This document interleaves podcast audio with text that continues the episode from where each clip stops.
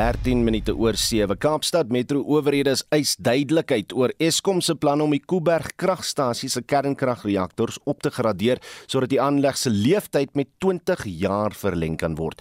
'n Dosent aan die skool vir chemiese en mineraal ingenieurswese aan die Noordwes Universiteit, Corneel Schabort, sê Kuiberg is Kuiberg is in die 1970s gebou en sou teen 2024 uit bedryf gestel word. Schabort sê dit wil voorkom of Eskom nie openbare verhoor gehou het oor die kwessie nie, dit terwyl die wêreld in die rigting van groen energie beweeg. Ons praat nou met hom. Corneels, welkom terug by Monitor. Wat was die presiese plan vir die Kuiberg aanleg wat betref dat hy uit bedryf gestel word in 2024? Môre Oudo. Ehm um, ja, aanvanklik aanlegte word gebou met 'n bepaalde leeftyd. So destyds toe Kuiberg gebou is, was die plan gewees om die aanleg uit bedryf uit te stel in 2024. Maar wat ons moet in ag neem is dat redelik wêreldwyd is dit die tendens dat baie van hierdie aanlegte oorweeg om dan hulle lewensduur te verleng. En die rede daarvoor is eintlik baie eenvoudig, dis 'n rand en sent besluit wat hmm. geneem word. Mens kan vir 'n baie lae bedrag die aanleg vir 'n redelike lang tyd verleng in lewensduur. As jy nou wel die leeftyd wil verleng, moet Eskom seker openbare oorleg pleeg oor sulke planne. Hulle moet in die openbaar uh van die, die, die, die publiek hoor. Is dit gedoen? Wel, die vraag is word dit werklik vereis deur die wet? Dit is 'n dis 'n goeie vraag. Ek kan verstaan dat die persone wat daarso in die omgewing bly, heel waarskynlik uh, besorgd sal wees oor dit, maar Eskom gaan bloot beweer dat hulle voldoen aan die vereistes van die nasionale kernreguleerder en die feit van die saak is hulle het aan daai vereistes voldoen. Wat daai vereistes is, dit is 'n ander storie, maar nou sit mens met die twee kante van hierdie saak. Aan die een kant die publiek wat sê maar ons moes geken gewees het in die saak. Eskom aan die ander kant wat sê nou ons het gedoen wat van ons vereis is om hierdie te doen en Eskom sal voet by stuk hou dat dit wat hulle gaan doen is veilig en gaan nie 'n addisionele risiko verskaf aan die mense wat in daardie omgewing bly. Wat, wat presies behels hierdie uh, kernreaktor opgraderingswerk? Nou, ehm um, Eskom het die twee kernkrageenhede, eenheid 1 en eenheid 2, beide het 'n kapasiteit van 920 megawatt en eenheid 2 word in Januarie uit bedryf uitgestel. So ons gaan omtrent 'n gigawatt krag verloor in Januarie en dan is dit vir 155 dae uit bedryf uit en dan in Oktober begin hulle dan vir 10 maande werk aan die volgende ene en dan behoort ons hier teen Februarie 2023 Kuiberg weer ten volle aanlyn te hê. Nou tydens hierdie opgradering gaan daar onder andere, daar's 'n paar ander sake ook, maar hoofsaaklik ses stoomkragopwekkers vervang word hmm. wat die einde van hulle lewensduur behaal het en hierdie gaan gebeur teen 'n koste van 20 miljard rand en ek dink dit is wat die mense net moet verstaan. Vir 20 miljard rand kry ons 20 jaar addisioneel min of meer 2 gigawatt krag. En om dit in perspektief te stel, as ons net vat wat kos krag, want wat die groot vraag is, moet ons nie eerder daai 20 miljard rand gevat het en groen krag daarmee gekoop het nie want dit is die dis die vraag wat wat wat gevra word dit is die stelling wat gemaak word hmm. en dit is nie so eenvoudig nie ek persoonlik het, het geen probleem met groen krag nie ek is 'n voorstander van van wind, van son gepaard gaande met batterye. Inteendeel, as 'n mens son en wind met batterye gaan vergelyk met nuwe kernkrag, mm, mm. dan wen son en wind en batterye elke liewe keer. Dit gaan altyd 'n beter opsie wees in vandag se tyd. Maar dit is nie wat ons hierso het nie. Wat ons hier het, is son, wind plus batterye versus die 'n bestaande aanleg wat opgradeer word. En in hierdie geval sal dit finansiëel meer sin maak om eerder Kuiberg se lewensduur met 20 jaar te verleng. Die werk wat gedoen moet word, hoe veilig is dit? Dit sal veilig wees. Die feit die saak is die kontrakteurs word ingebring, daar's sekere regulasies wat aan voldoen moet word. Die die realiteit is mens kan nie maar net links en regs goeders installeer nie. Daar sal gekyk moet word na dit en dit moet gemonitor word. Dis hoekom dit belangrik is dat mense hulle oë moet oop hou en dat Eskom hulle oë moet oop hou met hierdie. Dit is een van die mees komplekse instandhoudingsoefeninge in die geskiedenis van Eskom. Eskom het dit self erken. So hulle moet hulle oë oop hou en seker maak dat dit reg gewerk word daar is altyd risiko kom by instandhouding. Of dit nou 'n kernkragaanleg is of dit 'n gewone steenkoolaanleg is, daar sal altyd risiko wees en hierdie risiko's moet bestuur word. Ek sien die Kaapstad Metro uh, owerhede eis duidelikheid oor hier oor hierdie proses, maar dit, dit blyk 'n gedane saak te wees dat dat Eskom wel hierdie proses gaan uitvoer. Wel hulle gaan die die die meerderheid van die toerusting wat installeer gaan word is in elk geval reeds aangeskaf. Kontrakteurs is reeds aangestel. Die toerusting staan reeds by Kuiberg. So die feit van die saak is om nou hierdie skip om te draai is 'n feitelike onmoontlikheid. Gedane sake. Hierdie gaan voortgaan. Ek glo nie op hierdie punt gaan hierdie gestaak word nie.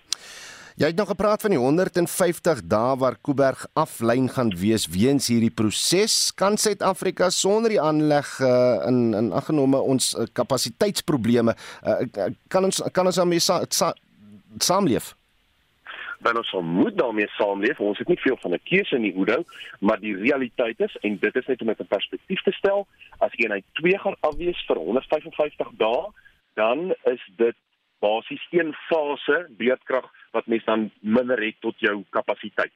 So om net dit in perspektief te stel. So daai 920 megawatt gaan uitwees en dan word dit gevolg in Oktober weer met uh, omtrent 'n gigawatt krag wat ons gaan verloor vir 'n tydperk van so 10 maande. Gaan ons met ander woorde vir 920 megawatt minder hê wat tot die stelsel gevoeg is. Nou voeg dan by met Dupie se een eenheid wat opgeblaas het weens daai waterstofontploffing. As jy dit bymekaar voeg, daar's sekere stukke van ons kragvoes nie tot ons gaan wees nie. So dit beteken nie ons gaan noodwendig dit krag nie. Dit beteken die risiko is aansienlik hoër as wat dit sou wees met wat aanlyn is.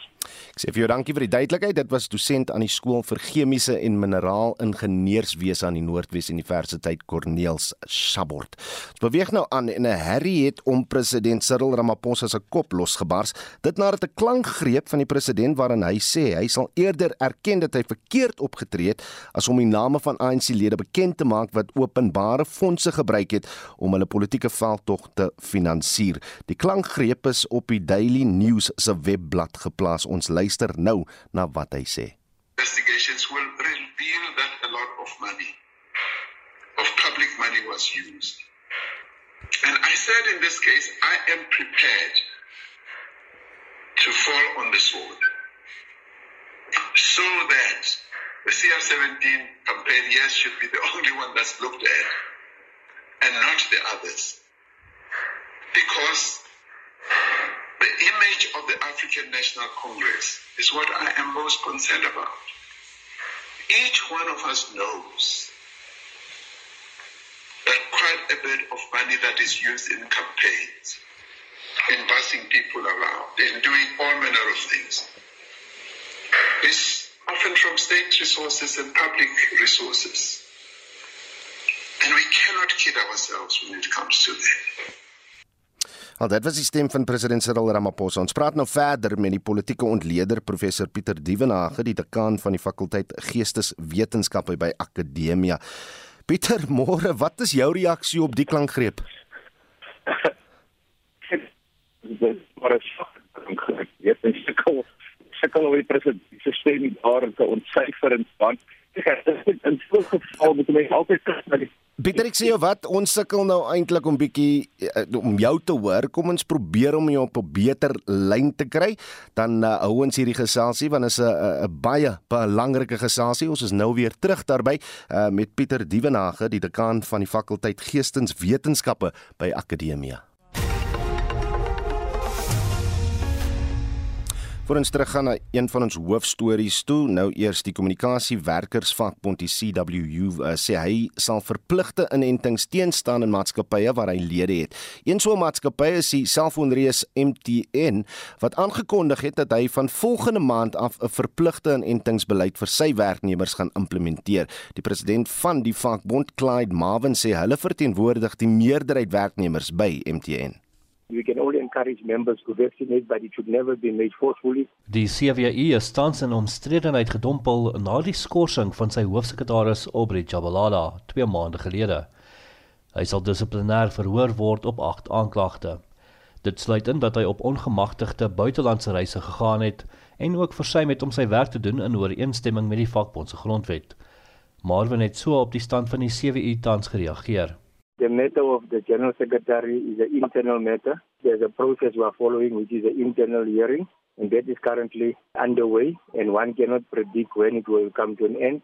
But as an organization, we just want to speedily resolve the matter so that we can go back to normal and go back to business as an organization. In any organization, we work collectively. Yes, there are challenges, as I've indicated, but obviously, as an organization, we are going to respond to all the issues in our sector because currently our sector is, is under attack.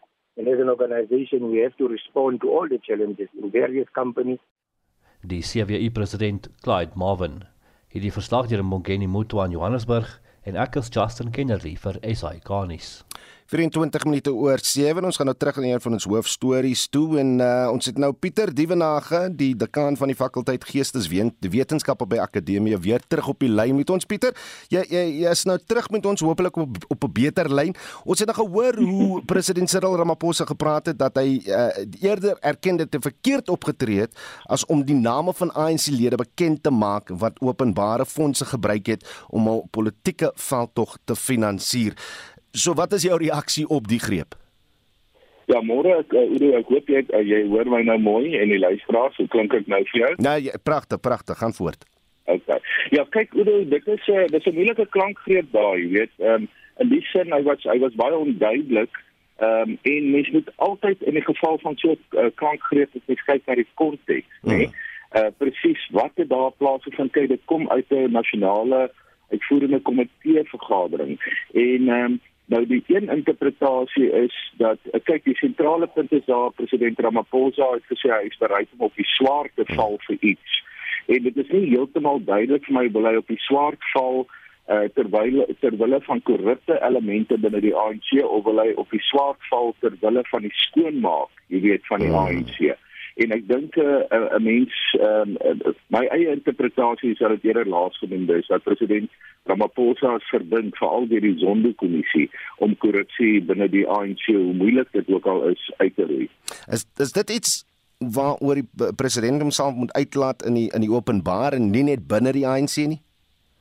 Kyk, dit is maar altyd die moeilikheid van 'n uh, 'n uh, leier, nê? Aan die een kant is president Ramaphosa leier van die ANC en dan moet hy in daai binnengevegte, jy weet, in daai donker agterkamers dis dit net maar so 'n metafoor van sigaarrook wat daar hang. Hy moet daar sy sy sy ding kan doen en aan die ander kant moet hy natuurlik die hele tyd in die openbaar optree, nê, as as as president van Suid-Afrika op die nasionale verhoog en die internasionale verhoog. En dit is verskillende rolle wat hy speel en ek dink hierdie klankgreep hmm. het gegaan oor diep binne binne gesprekke, jy weet daai komplekse gesprekke binne die mags uh weer binne die mags uh, situasie binne die ANC in die faksies. Dit is also baie gepraat oor die magsfaksies binne die ANC. En ek dink hierdie klankgreep kom uit so 'n tipe van 'n jy weet 'n komplekse ehm 'n wat troebele 'n tipe van 'n van 'n binnegesprek en nou het ons hierdie klankgreep uh, tot ons beskikking. As dit wel die geval is dat uh, openbare fondse gebruik is vir uh, politieke veldtogte, is is dit wettig volgens die OFK se se regulasies? Nee, dit is wettig nie. Kyk, ek dink hoe wat hier op die stel is, as ons na die krankgreep in die geheel luister, ons het net so 'n gedeelte gedoen uh na, na gedeelte geluister, gaan ek ook oor die staatsveiligheidsagentskap. Uh, en dit gaan veral daaroor dat die staatsveiligheidsagentskap in die era van president Zuma geld beskikbaar gestel het uh om president Zuma te help. So ek dink daardie element is ook ehm um, uh deel van die klankgreep in die, in die agtergrond en ek dink president Ramaphosa probeer wegbeweeg van so 'n tipe politiek waar staatsfondse uh, fondse weet sonder enige vorm van etiek aangewend word vir die regerende party. Want ons moet maar altyd die die die die die die, die onderskeid tussen die staat en die regerende party wat wat wat in die ANC se era uh, 'n bietjie vertroebel het daai belangrike grens tussen sê maar jou professionele staatsdiens en dan die regerende party van die dag. Ek dink dit lê ook uh, agter ehm um, jy weet dit is 'n aspek van hierdie klankgreep. Hoe gaan dit sy beeld raak? Wel, ek dink uh, president Ramaphosa se beeld is maar ambivalent, nê? Nee? Ehm um, uh, selfs binne die ANC, daar's mense wat vir hom is en teen hom is en dan buite die die ANC weet in die breë Suid-Afrikaanse politiek is dit deel ook weer ambivalent en dis en dat uh, Suid-Afrikaners dink ek al geleer het dat wanneer hy binne die ANC optree ehm um, is daar maar altyd uh, 'n tipe van 'n ehm um, jy weet 'n onbekende faktor dit het te doen met faksies met uh, magsstryde binne die ANC maar wanneer president Ramaphosa uh buite die ANC optree. Jy weet wanneer hy nou as president van die land op die nasionale verhoog of internasionaal optree, dan het hy 'n beter beeld. Jy weet dan het hy meer die beeld van 'n van 'n staatsman uh in 'n gekwalifiseerde sin. So ons Suid-Afrikaners, as ek nou as 'n kommentator nou 'n laaste punt kan maak, ons het al geleer hmm. om so half met 'n ambivalente en dubbelsinnige kyk na president Ramaphosa te kyk. Afhangende van hoe jy dit nou interpreteer, soos jy reg reg voor gesê het, ek wonder of dit nou sy kanse bevorder, dit wat hy gesê het in hy klankgreep, as ons kyk na die 2024 verkiesing binne die ANC. Ek dink ek dink ehm um, dat hierdie klankgreep gaan nou nie eintlik 'n uh, 'n uh, berg word nie. Ek wil ook nie sê dis 'n molsoort nie, jy weet. Ek dink ehm um, die die die pre, die breë prentjie uh, binne die Suid-Afrikaanse politiek uh, in in die opbou na 2024 is maar een van die afgang van die ANC en daarmee bedoel ek dat die ANC die afgelope paar verkiesings die heeltyd minder en minder prestasiepunte op hulle trek. Jy weet ons is nou onder 50% wat die ANC gekry het in die plaaslike verkiesings. Ehm um, ek dink die tendens gaan voortgaan na 2024 toe. En hierdie klankgreep en ander faktore gaan min verskil daaraan maak en ek dink president Ramaphosa weet dit baie deeglik dat in 'n sekere sin moet hy die party waarvoor hy lief is en en en, en wat op 'n manier hom gemaak het, die persoon Daar verloor ons hom nou weer, maar ek dink hy het uh, goed vir ons bietjie ontleding gedoen oor hy klankgreep. Dit was professor Pieter Dievenage, die dekaan van uh, die fakulteit Geesteswetenskappe by Akademia. Reg ons bly by verkeersnuus en vir die jongste oor verkeersvolumes op die Weskaapse paaie praat ons nou met die kommunikasiehoof van die Weskaapse departement van vervoer Jandrey Bakker. Jandrey weer terug met ons. Is daar 'n groot toename in verkeersvolumes? Uh, ja, oor ons het goeiemôre eerstens. Ons het definitief eh, 'n uh, toename in verkeer gesien oor die afgelope paar dae. Ehm um, gisteraand was vir ons 'n baie moeilike aand met 'n paar noodlottige botsings. So ehm um, daar's definitief 'n toename in verkeer veral om die kusgebiede sowel as veral die N1 wat soos ek voorheen ook gesê het ons hoof interprovinsiale roete is wat aan aansluit by die R61 Oos-Kaap toe of verder Noord-Gauteng en Noord-Kaap toe. Reg, wat se algemene probleme steek aan nog op die pad? Uh, oor die hele die groot probleem op hierdie stadium bly mense wat roekeloos en nalatig bestuur wat ander woorde wat verbysteek waar hulle nie moet nie of waar hulle nie noodwendig kan sien nie. Um, ons het gister ons het vanoggend net voor 1 uur 'n uh, noodlottige botsing gehad um, net uh, buite tussen Beaufort Wes en Leeugamka ses mense in hierdie trompelbotsing oorlede. Ons het 'n uh, noodlottige botsing by die susters gehad ook vroegoggend. So ons wil net mense herinner dat die aandklok reël soos vervat in die rampbestuur wetregulasies steeds van krag is. Ehm um, ek wag nog op bevestiging van by Matjiesfontein ook. So al hierdie areas het nou 'n uh, stop en rye in plek, so die verkeer gaan stadig wees uh vir al die gedeelte by Leeugamka het ons 'n paar kilometer waar die voertuie reeds staan. So die ouens moet asseblief dit infaktor by hulle by hulle uh, reistyd sodat hulle nie roekeloos raak en dan probeer om tyd in te haal as hulle verby hierdie tonele is nie. Daar's nog 'n toneel op pad. So maak seker dat jy rus, maak seker dat jy nie verbysteek waar jy nie moet nie maak jou gordels vas en maak seker dat jou passasiers vas is vir al kinders. Ja. Ehm ja. um, dit voel vir die ouens hulle is nie noodwendig gemaklik daarmee nie, maar dit kan die verskil wees in in 'n in 'n noodlottige botsing. En dit was die kommunikasiehoof van die Weskaapse departement van vervoer Jandrey Bakker. Informeer oor hoe dinge vorder op die N1 en 4 Bakwena tolroete. Praat ons nou met die kommunikasiebestuurder van die tolkonssessie, Shamaine van Wyk. Shamaine, welcome back to the show. Talk to us about your volumes this morning and over the last 24 hours. Hi, good morning, everybody. Um, over the last 24 hours, we have had um, significant volumes increase along the in-one, particularly northbound up to Polokwane. Um, so we are actually experiencing busy conditions, and we are expecting busy conditions today as well along the route, as well as tomorrow, as people start to make their way, you know, to their final destination ahead of the Christmas period. So we are going to have very busy conditions where we need motorists to, adhere to the speed limits, adhere to um, all the um, the road um, signs, and to travel safely and keep a safe following distance because the roads are wet out there. So we really do encourage motorists to please drive with caution. And then once again, any roadworks that we have to worry about over the coming days? No, we don't have any roadworks on, on the go at the moment. We do suspend our construction works. We had some um, stud replacements that were done yesterday before the volumes got too heavy. But other than that, everything has been um, put on hold until January. So there's no construction along along the route, nothing that motorists need to be aware of. Dit was die kommunikasiebestuurder vir die N114 Bakwena tolroete in Limpopo Shamain van Wyk. Nou, Heinrich Weingart, wat sê ons luisteraars vanoggend? Odo Adri Nobel laat weet op Facebook sy moes Dinsdag Kimberley toe vir 'n week. Daarna sou sy met familie gaan kuier in die Kaap, maar sy is nog steeds in Johannesburg siek in die bed. Maureen Smit sê sy het 'n bitter aan onaangename ervaring gehad. Sy het betaal vir 'n sogenaamde agent om 'n vakansieplek in Amanzimtoti te bespreek. Vind sy vind toe uit dat die is 'n bedrieger en dat hy ander mense ook so gevang het. Sy is die polisie toe en het die saak aangegee by die bank en waarsku mense nou weer versigtig want partye het geen gewete nie. Vleer Hartman sê vandat ek 4 jaar gelede self uit die hospitaal kon stap na 'n groot operasie om Kersfees by die huis te kon wees, is elke Kersfees 'n fees waar ek my ook al bevind. Ek het hoop op vakansieherinneringe om te geniet.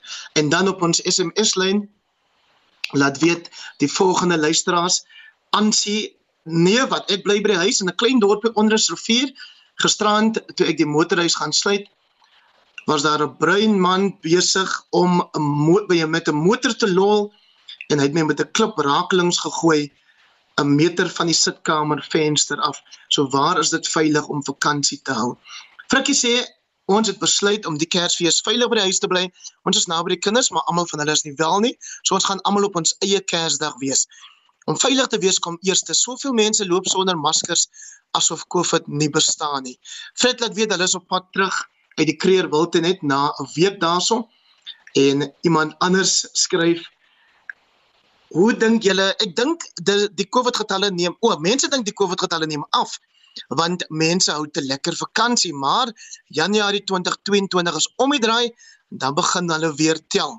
Die boodskap van Vicky Carroll sê Ek is pensionaris, nog jonk van gees, wil baie graag weggaan, maar die geld is skaars, so ek bly maar tuis en veilig.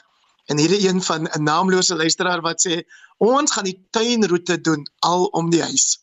45889 Dis ons nommer waar jy vir ons kan laat weet of jy vakansie gaan hou en of watse ervarings jy al gehad het op vakansie of met vakansie.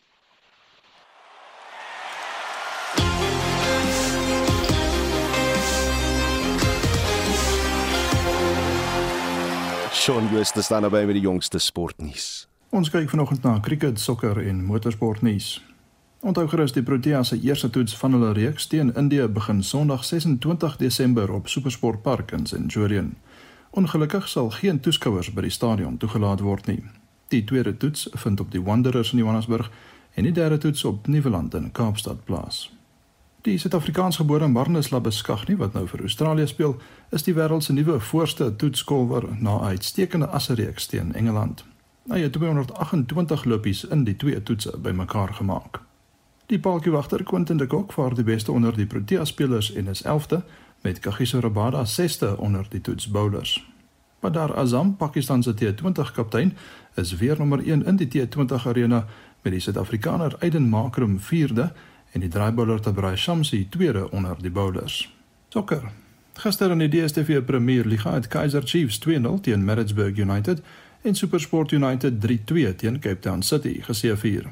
Marokko Swallows en Golden Arrows het 2 elk en Chippa United en Sekhukhune 0 elk gelyk op gespeel. Marokko FC het 1-0 teen Royal AM gewen en TS Galaxy het 1-0 teen Stellenbosch FC verloor. In die kwart eindronde van die Engelse Liga beker het Tottenham Hotspur 2-1 met West Ham United en Chelsea weg 2-0 met Brentford afgereken. Liverpool het Leicester City na uitskedule met 5-4 geklop. Arsenal wag reeds in die halfeindstryde.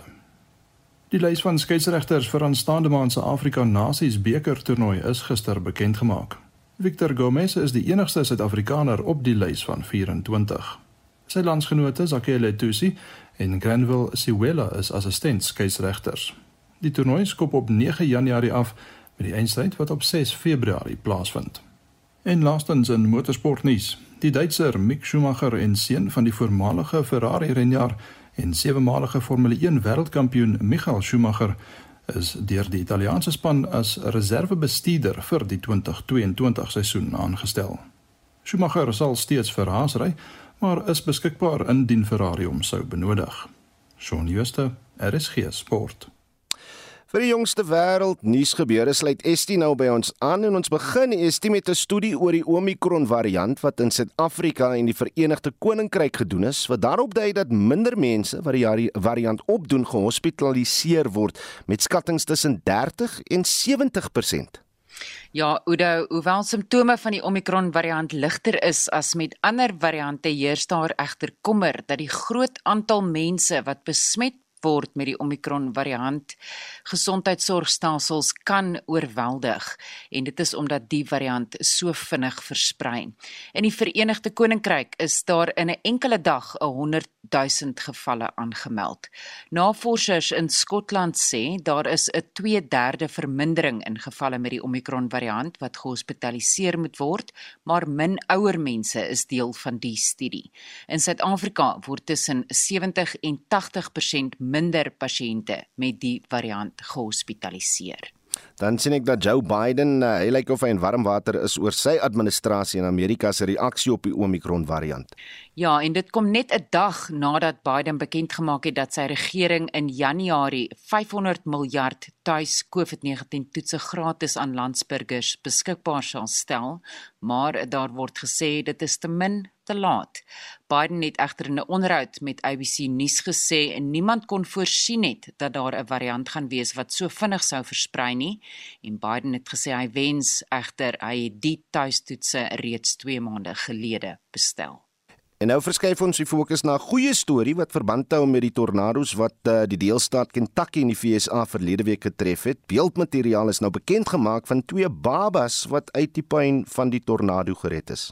Ja, die babas se ouma het hulle in komberse toegedraai en in 'n bad in die huis gesit om te probeer om hulle van die tornado te beskerm, maar die bad is deur die tornado uit die huis geruk, in die storm rondgemaal en in die tuin laat val. Noodreddingswerkers het later die kinders wat byna niks oorgekom het nie in die bad in die donker gevind en hulle het skaars gehuil toe hulle uit die komberse losgewikkel is, medies ondersoek is en toe weer aan hulle ouma oorhandig is. Ten minste 76 mense is weens die tornado's dood wat ook enorme skade aan eiendom en die gebied aangerig het. En dit was Estie met 'n kort oorsig oor vandag se wêreldnuus gebeure. Nou ouers word gemaan om hul kinders se veiligheid te verseker wanneer hulle met vakansie gaan. In Kaapstad het die IdentiKids projek reeds sukses behaal deur byna 30 000 kinders in die eerste paar dae te registreer. Die kind kry 'n polsbandjie wat hul versorger se kontakbesonderhede bevat in geval hulle geskei word van mekaar tydens hul besoek aan die strand. Ons praat nou met Patricia van der Rosse, burgemeesterskomitee lid vir gemeenskapsdienste en gesondheid van die stad Kaapstad. Patricia, welkom by Monitor. Vertel bietjie meer van die projek. Goeiemôre man. Um, en dankie. Die program het in 2016 begin. COVID-19 het ongelukkig die program se momentum onderbreek gevolg van die verskeie beperkings. Maar hierdie jaar die projek oor die, die 3 jaar soos dit was 3 dae soos hy aangemeld het klaar om 30000 kinders bereik en sewe van ons kinders het al reeds met wat verenig verenig met hulle hulle ouers. So so watter strande neem nou deel aan die projek en hoe kan mense hulle kinders registreer? Daar is 16 strande wat deelneem aan die projek. Dit is Masonburg, Fishhook, Strandfontein in die suide, Gordons Bay strand, Mwambisi, Harmony Park en Menandi Beach in die, in die ooste, Big Bay, Sea Point and surrounding, Silverstrom, Camps Bay, Lagoon Beach, Melville Strand, Molleton Beach en Maidens Cove en dit is in die noorde. Die die kan ek kan ek Nee nee nee, gaan gaan voor, gaan voor. Die stadse personeel word maklik geïdentifiseer. Hulle het die oranje hoedjies en en en klere aan en hulle besit ook 'n um, mobiele eenheid. So daar's 'n container wat sê um identity.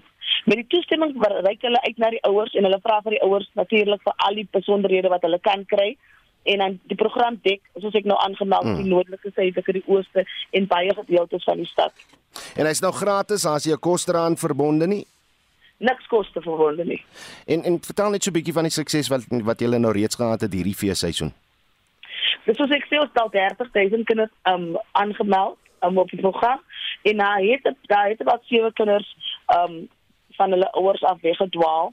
Um twee op Strand Beach een op um drie op Strandfontein en twee in Meisenberg wat hulle wis weer veilig met hulle met hulle ouers en um dit is dit is 'n exciting ding om om om dit moontlik te maak vir ouers om weer te herinner aan hulle kinders te wees. Dit net wel ongelooflik. Nee, lieflik, dit was Patricia van der Rasse, burgemeesterskomitee lid vir gemeenskapsdienste en gesondheid van die stad Kaapstad 13 minute voor ons totsiens sê en 'n alleenloper Bobbejaan bekend as SWB 12 wat in Kaapstad gevang is, is gister na die Degama trop geneem.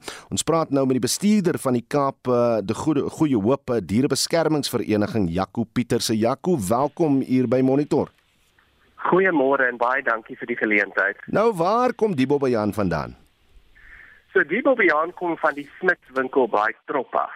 Um, wat net diskant ehm um, Simonstad is. Eh, eh, vertel net so 'n bietjie meer oor die naam SWB12. Hoe het julle met daai naam vorendag gekom? So die ehm um, owerhede wat die die stad Kaapstad wat die Bobbejaane bestuur, sal ehm um, daar's verskillende troppe oor die hele Kaap ehm um, peninsula en elke trop het sy eie naam en dan binne in die trop as sal daar van die Bobbejaane wees wat nou beter bekend is vir 'n uh, sekere van hulle behaviors, byvoorbeeld van hulle wat ehm um, gaan kwaad um, aanjaag en 'n tipe dinge en dan so kry hulle name. So nie elke Bobbejaan in 'n trop het 'n naam nie, mm. maar die wat wel uitstaan kry dan ehm, 'n um, afkorting van die trop se naam en dan 'n nommer en dit sou hulle dan die Bobbejaan identifiseer. We, weet ons hoekom hy nie in 'n trop was nie? So hy hy is deel van die Smith winkel by trop gewees en ehm um, met Bobbejaane ehm um, daar kan net een as hulle dit sê hulle noem die alpha male wees in 'n trop En soos hulle ouer word, is daar gaan hulle maar kompeteer oor om om die trop te lei en dan gebeur dit ook maar dat die bobbejane skei en dan sal die die mannetjies dan afdwaal en of hulle eie trop probeer gaan vorm of hulle sal 'n trop gaan ehm um, aansluit by wat nie 'n alpha male het nie of hulle sal 'n trop in twee deel en so sal hulle dan hulle eie trop ehm um, by mekaar sit. En ek verstaan dat eh uh, die nuwe trop het, het nou nie 'n leier nie, sal SWB 12 die rol kan inneem.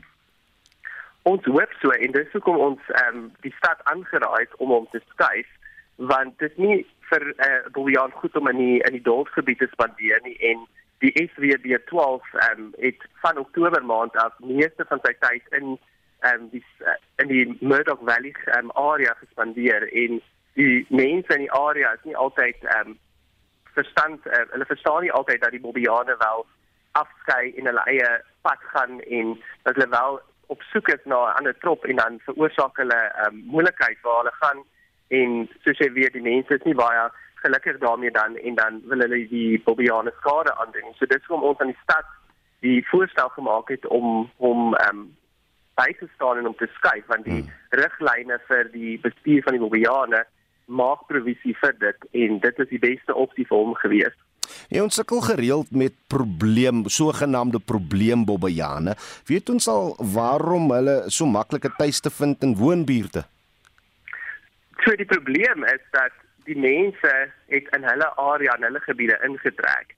So die bobbejane kan nie meer natuurlik leef hier in Kaapstad nie, hmm. want hulle is omring deur woongebiede wat jare terug nie daar was nie en daar's geen natuurlike um, manier om die bobbejane te te basies dat hulle self bestuur van 'n natuurlike punt af nie. So nou ongelukkig moet daar menslike intervensie wees om die bobbejane te bestuur en dit ongelukkig met die probleem waarmee ons sit, die bobbejane se nommers groei en daar's geen natuurlike manier om hulle te bestuur nie en dit moet moet die stad daai um, verantwoordelikheid aan aangevat het om die Bobbejaan te bestuur en hulle probeer uit die ehm um, woongebiede uit te hou en ongelukkig 'n mens sal dit hier voorskryf nie en hy gaan maak wat hy wil. So dit is bitter moeilik om hulle te bestuur en die stad doen die, die beste wat hulle kan om hulle uit die woongebiede uit te probeer hou.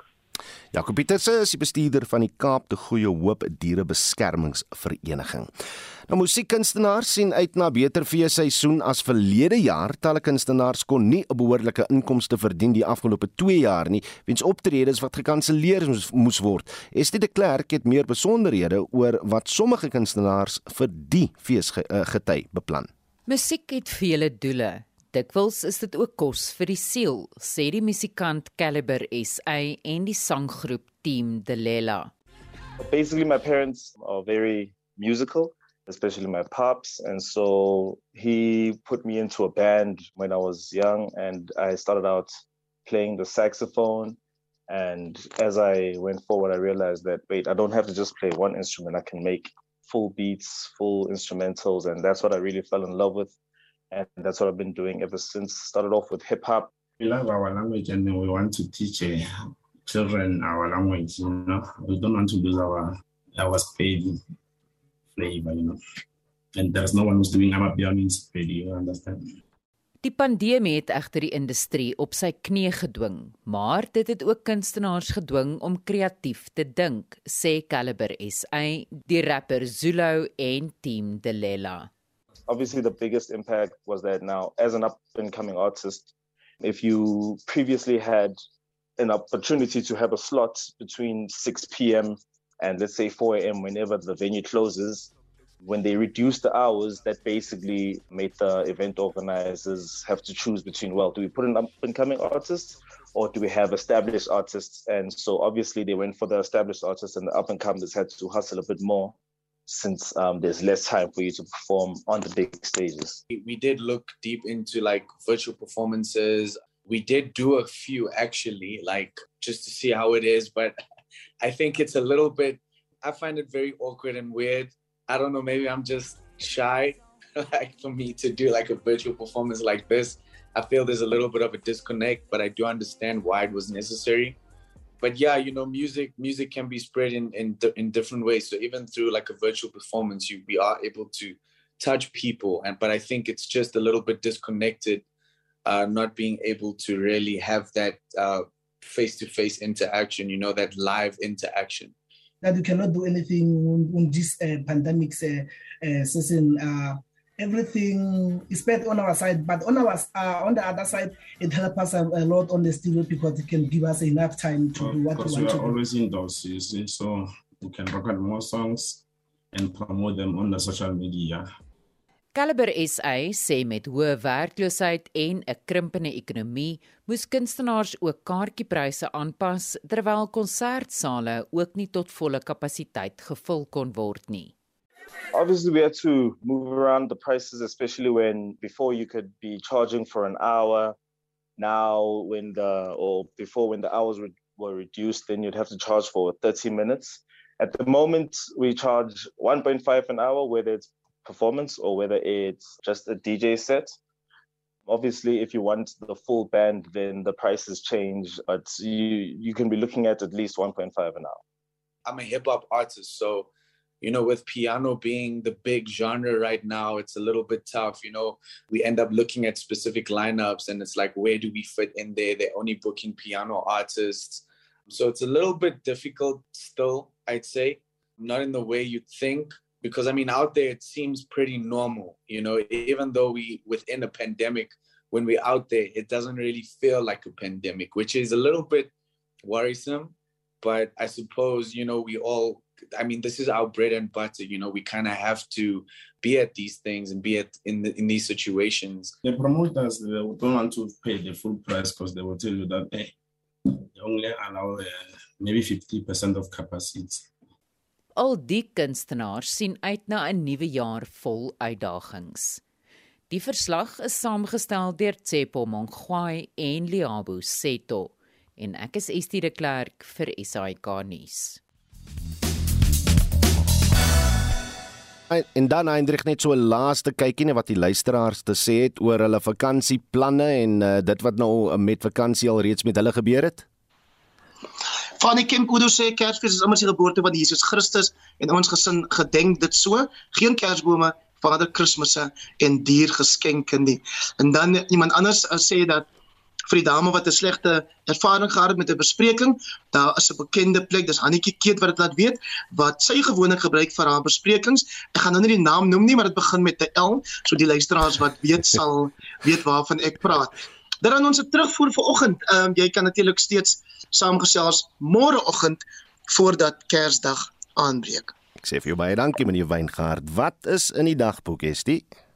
Oor 'n uitspraak sal na verwagting vandag gelewer word in die tugverhoor van die SAIK se nuushoof Patiswa Magopeni. Die Kameelperd Bewaringsstigting sê die spesies se getalle toon 'n positiewe opwaartse neiging en die Machabeng munisipaliteit in die Vrystaat het erken dat hy versuim het om 'n betalingsooreenkoms met Sedibeng Water na te kom. Dit en meer in Spectrum tussen 12 en 1. Ek sê vir jou ook baie dankie. Nou ons praat al heel oggend oor die verkeer en uh die feit dat die paaie nat is en die volume is nou weer toeneem. Kom ons fokus net op iets wa waaroor ons beheer het. En en luister net hierna. Die verkeerspolisie in Gauteng het 18 bestuurders sedert die begin van die maand op uh, op die provinsie se paaie vasgetrek weens spoed. 'n 26 'n 26-jarige bestuurder is gevang toe hy 207 km/h in 'n 120 km/h sone gery het. Die voorval het in Midrand plaasgevind en die polisie voer aan dat hy nie 'n rede verskaf het oor hoekom hy so gejaag het nie. Die ander spoedvrate was almal tussen die ouderdom van 21 en 45 jaar oud en het almal meer as 120 km gery. Ai, mense, kom ons wees net bietjie meer verantwoordelik op ons paaie. Onthou vorige uitsendings van Monitor is op RSG se webblad as 'n potgooi beskikbaar. Gaan net na www.rsg.co.za en ons groet nou namens ons uitvoerende regisseur Nicoline de Wee. Die redakteurs vanoggend is Susan Paxton en uh, Justin Kennerly en die produksieregisseur is Daitron Godfrey. Ek is Udo Karelse. Totsiens.